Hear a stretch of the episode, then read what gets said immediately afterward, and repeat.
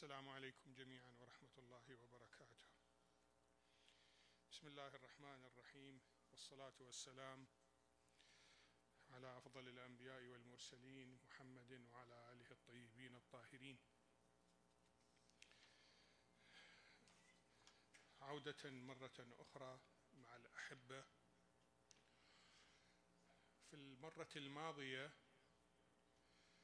تحدثنا عن التفكير الوجودي ووصلنا إلى بعض رؤوس الأقلام أن الإنسان يستخدم تفكيره العقل ويستخدم النقل وهو من خلال الرسالات والرسل حتى يستطيع أن يحدد مهامه في هذا الوجود. ويتحرك في هذه الدنيا من خلال العقل والنقل. اليوم سوف نتحدث عن التفكير المعاشي. التفكير المعاشي هو كيف يستطيع الإنسان أن يوفر أسباب العيش إليه. يقول الله سبحانه وتعالى في كتابه العزيز بسم الله الرحمن الرحيم الذي جعل لكم الأرض فراشا والسماء بناء وأنزل من السماء ماء فأخرج به من الثمرات فأخرج به من الثمرات رزقا لكم. فلا تجعلوا لله أندادا وأنتم تعلمون.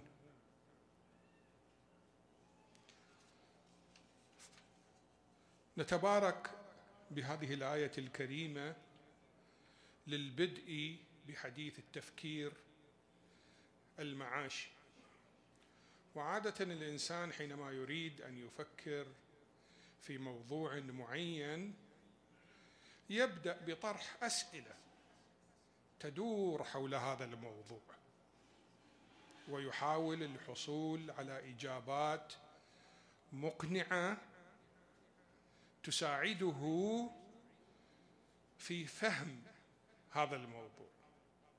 ونحن لسنا شذوذ عن ذلك. إذا ما هي أسباب المعاش؟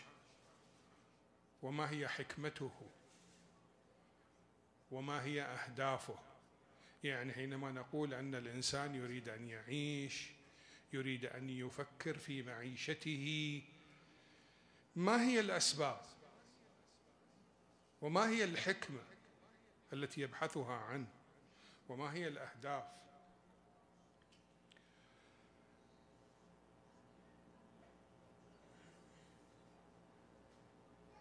يسعى الإنسان للسيطرة على موارد الطبيعة. ما هي موارد الطبيعة؟ سوف نأتي إليها إن شاء الله لاحقا. ولكن لماذا يسعى الإنسان للسيطرة؟ هل هي فقط حتى يوفر أسباب العيش يسعى الإنسان لتنمية جسمه. أرجو من الجميع أن يتحلى بالصبر معي لأن بعض الأسئلة وبعض الإجابات ربما تبدو ساذجة وبديهية. ولكن سنرى في الأخير أنها ضرورية للوصول إلى النتائج المرجوة في اللقاء الثالث إن شاء الله والذي يجمع بين التفكير الوجودي والتفكير المعاشي ويتطلب منا أن نستوعب ماذا نعني بالتفكير الوجودي وكيف نتحرك إليه وماذا نعني بالتفكير المعاشي وكيف نتحرك إليه وكيف ندمج بين الاثنين. اذا لماذا يسعى الإنسان للسيطرة على بعض الأرض؟ طبعا مو كل الأرض مستحيل أن إنسان يستطيع السيطرة على كل الأرض ولا حتى مجموعة من البشر. وما هو الهدف من تنمية جسم الإنسان؟ وإحنا صغار دائما يقولون لنا كل حتى تكبر يصير عندك عضلات وتصبح قوي وقادر على العمل والإنتاج. لماذا؟ لماذا ننمي أجسامنا لماذا ننمي قوانا العقلية والجسدية؟ بكل أنواعها بكل أشكالها. بعضهم ينمي سرعة في الحركة بعضهم ينمي قوة بعضهم ينمي فنون معينة. وأيضا القوى العقلية من التعلم إلى المهارات إلى غير ذلك. لماذا يسعى الإنسان إلى تكوين أسرة؟ ليه أنا أرتبط بأسرة بامرأة وأطفال وأم وأب وأخاء ومجتمع أصحاب في المجتمع أصدقاء لماذا؟ ما هو الهدف؟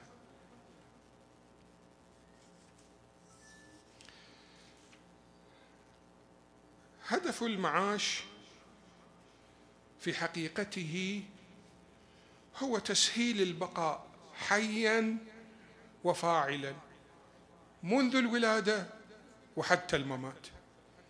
والإجابة على كل هذه التساؤلات هذا هو هدفه. أن تبقى انسانا فاعلا.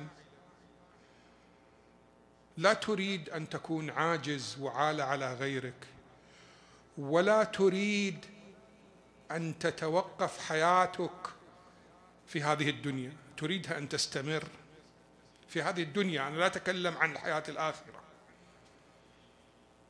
يعني أن إذا جعت الآن أذهب أنا إلى الطعام اكل أو أشرب تسألني لماذا تأكل؟ الإجابة اللي السطحية نقول لك حتى أشبع. بس الإجابة الحقيقية هي أن يستمر جسمي في الحياة. لأن إذا ما أعطيته هذا الغذاء يتوقف. طيب وإذا توقف إيش اللي يضر. فإذا الهدف الحقيقي للمعيشة في هذه الحياة أن يبقى الجسم حيا وفاعلا.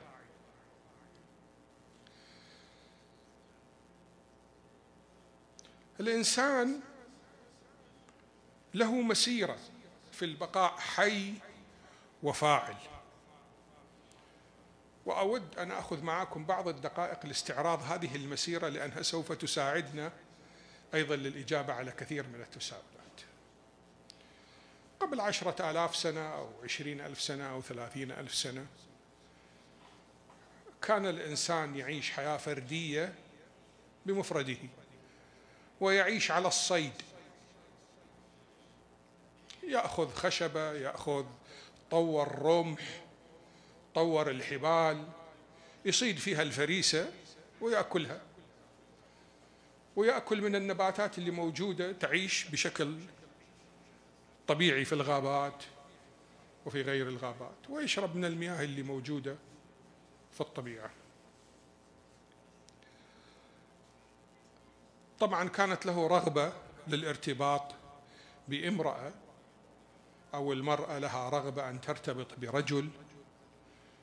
لكل منهما بعض الحاجات يحاول إشباعها.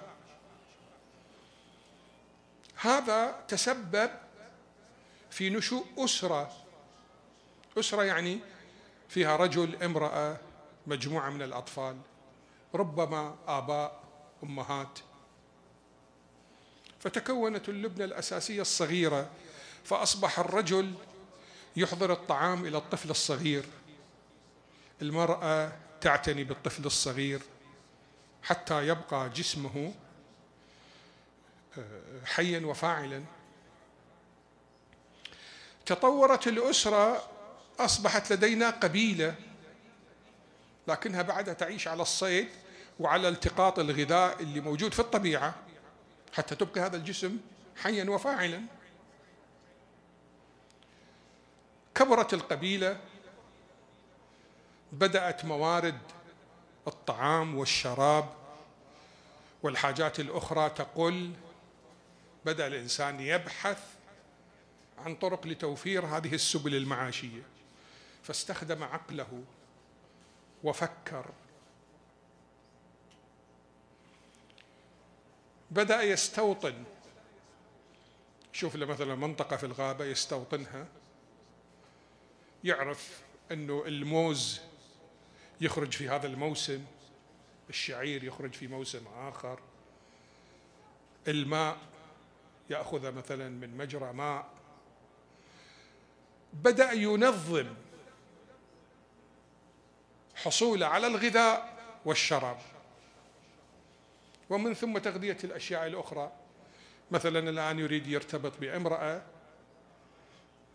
يختار من بين هذه القبيلة.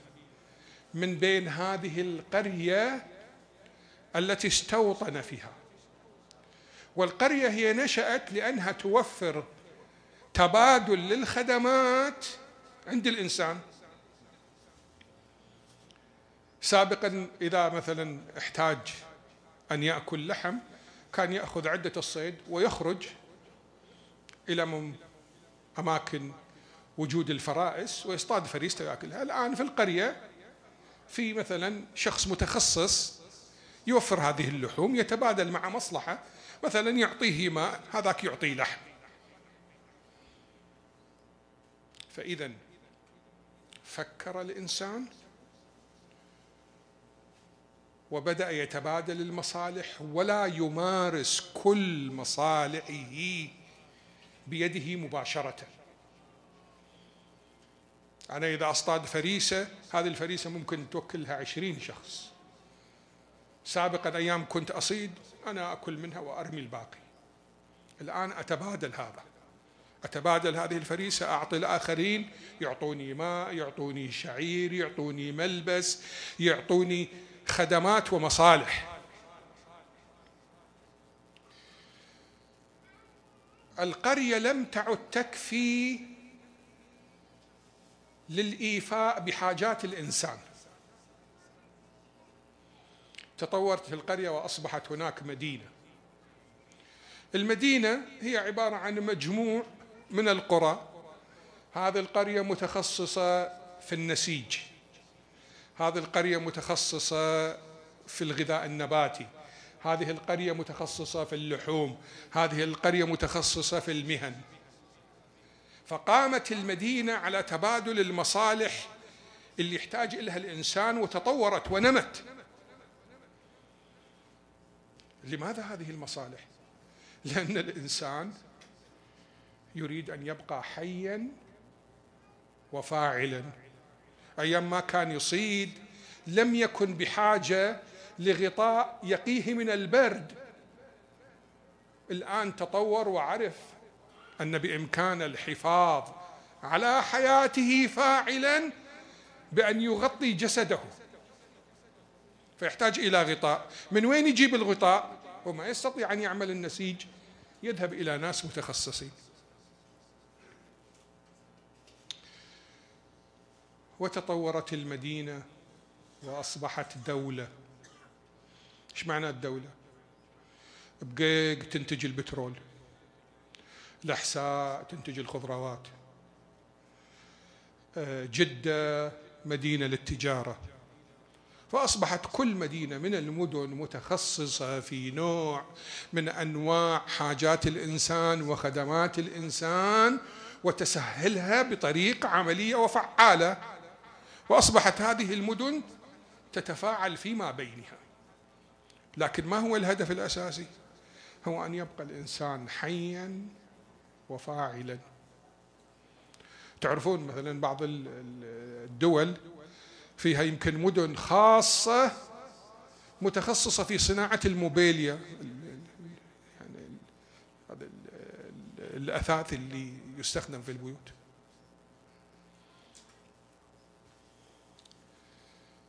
طبعا كبرت العلاقات عند الإنسان. أصبح هناك تجارة عالمية تبادل بين الدول.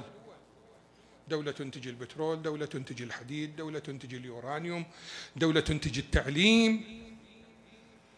ولكن يبقى السبب أن يبقى الإنسان حيا وفاعلا.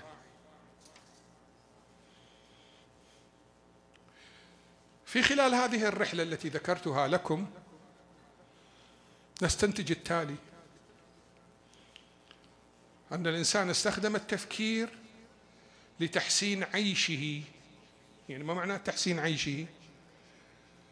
أن يكون فاعلا بكفاءة وحيا بلا عوائق. وأيضا استخدم التكيف مع الظروف الطبيعية البيئية والمتغيرات الخارجية. كان سابقا يصيد في الغابات كان مهدد من قبل الحيوانات تفترسه بدأ يتجمع ويشكل محميات. كان يحتاج إلى خدمات بدأ يتجمع في القرى. فاذا هو تكيف استخدم خاصية التكيف. مع الظروف البيئية والظروف المحيطة إذا في هناك خطر من هجوم أو قتال أو أيضا توسع وتمدد. في الأول كان يحتاج فقط أن يأكل ويشرب. صار يحتاج إلى طبيب. الطبيب وين موجود؟ موجود في قرية. اذا عليه أن يستوطن في القرية. القرية ما فيها طبيب. معلش أعيش في القرية توفر لي الحاجات الضرورية الأساسية. ولكن إذا احتجت إلى طبيب أسافر من قريتي إلى قرية أخرى. أتوسع في علاقاتي إلى أن الآن تعرفون إحنا نحتاج إلى الميكروفون. الميكروفون يصنع في شركات في ماليزيا. توسعنا. سيارة السيارة تصنع في فرنسا. عطر يصنع في جنوب أفريقيا وإلى آخره. فصار لدينا توسع في توفير حاجاتنا. هذا التوسع للمحافظة على الإنسان حيا وفاعلا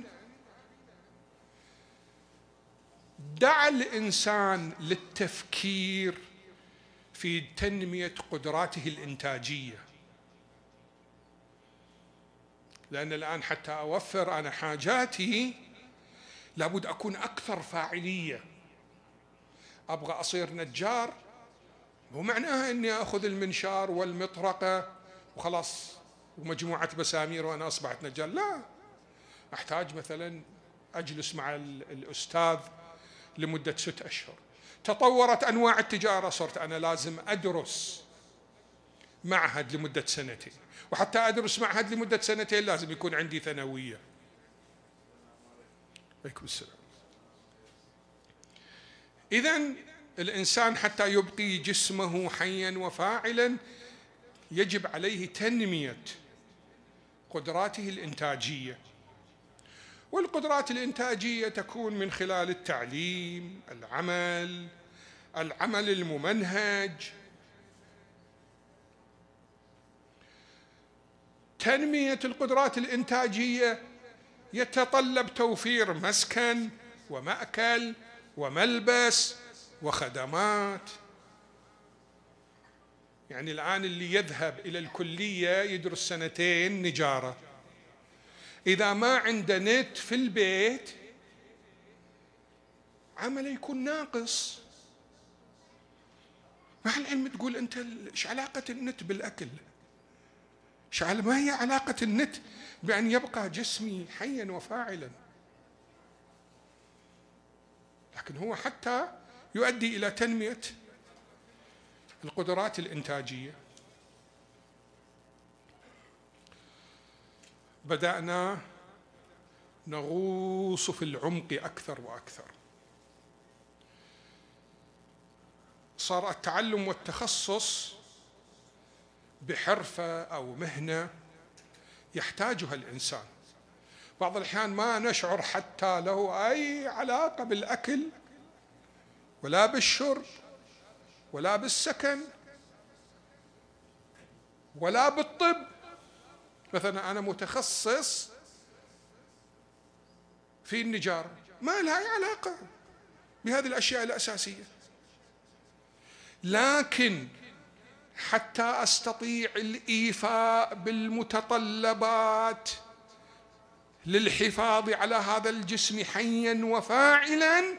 وجب علي أن أتخصص تخصصا دقيقا بحيث تكون إنتاجية هذا التخصص ترتقي إلى الوضع الطبيعي للإنسان في هذا المجتمع. المحافظة على فعالية الجسم. قبل مئة سنة كان الأحساء فيها مجبرين يمكن ثلاثة أو أربعة مجبرين يجبرون الكسور ويعالجون الأمراض. الآن فيها عشرات المستشفيات متخصصة بالعظام ولا تفي بالغرض. فأصبحت حتى الصحة والحفاظ على صحة الإنسان تخصص وتطورت ونمت. وكل الهدف لاحظوا أنا أحاول أن أربط كل ذلك بالحفاظ على الجسم حيا وفاعلا. الآن اللي يصاب بصداع يقول بكرة أنا ماني رايح لشغلي. ليه ما أنت رايح شغلك يقول لأني ما أستطيع أن أعمل. فقدت الحيوية والفعالية.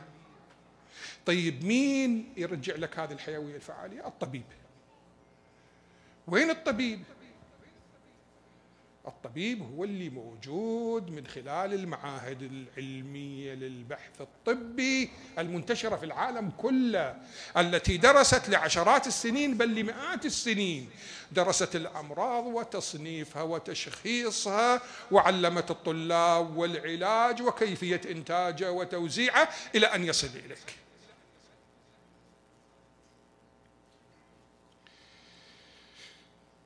اذا أيضا المستشفيات والصحة مهمتها أن تحافظ على الإنسان حيا وفاعلا. تطوير شبكة من العلاقات الاجتماعية. عندي أصدقاء عندي أصحاب عندي شرطة عندي مرور عندي بلدية. هذه كلها أنا أرتبط معها حتى تكون عملية تقديم الخدمات اللازمة لتوفير البقاء حيا وفاعلا شغالة لأن هذه لو امتنعت تتعطل عملية الإبقاء على الحياة والفعالية. الحصول على سلطة تفرض على الآخرين. طبعا ما أريدكم تتوهموا سلطة يعني معناها أنا أروح أسيطر على الدولة. لا لا لا لا. المقصود من السلطة المدير المدرسة له سلطة في توزيع جداول المدرسين. المدرس له سلطة في تنظيم الطلاب. لماذا هذه السلطة؟ والسلطة منتشرة في كل الأنحاء الإدارية الآن اللي يعيشها الإنسان. ما هو الهدف من هذه السلطة؟ الهدف من هذه السلطة حتى أن تقوم تلك الجهة بأداء وظائفها بفعالية. ما تقصر. تخيلوا لو أنتم المدرس دخل للصف قال كل واحد على كيفه. يبغى يطلع يبغى يدخل يبغى يتكلم يبغى ياكل. لأنه نزع سلطته عن الصف أصبحت فوضى تعطلت عملية التعليم فالحصول على السلطة هو ضرورة لأداء المهمات لكن السلطة في مجالها.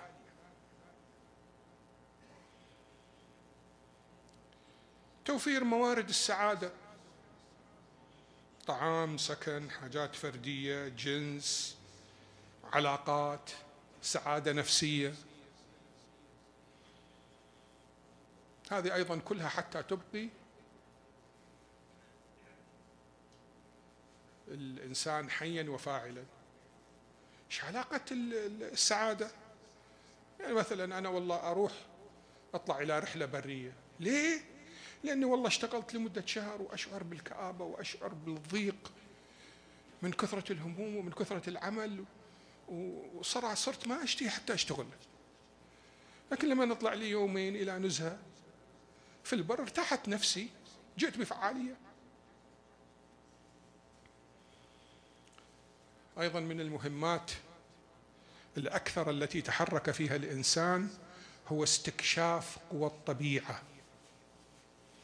يعني لو تتخيلوا أو تقرأوا القوى في الطبيعة التي كانت مسخرة للإنسان والآن تشوفون فرق كبير؟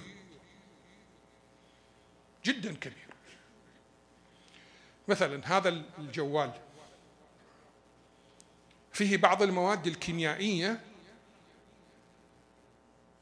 التي لم تكن موجودة قبل مئة سنة. جاء العلماء استكشفوا الطبيعة عملوا دراسات إلى أن توصلوا إلى هذه المركبات الكيميائية الضرورة للجوال حتى يسهل عملية التواصل حتى يحسن من فعالية البقاء حيا وفاعلا. واستكشاف الطبيعة حتى الخروج من حدود هذه الأرض بالمركبات الفضائية.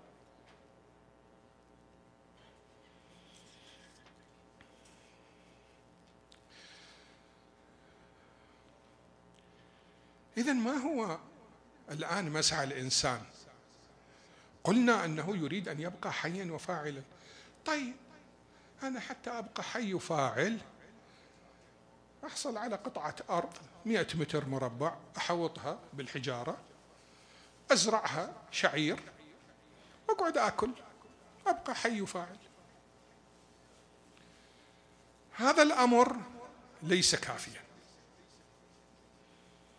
هناك داخل الإنسان دوافع.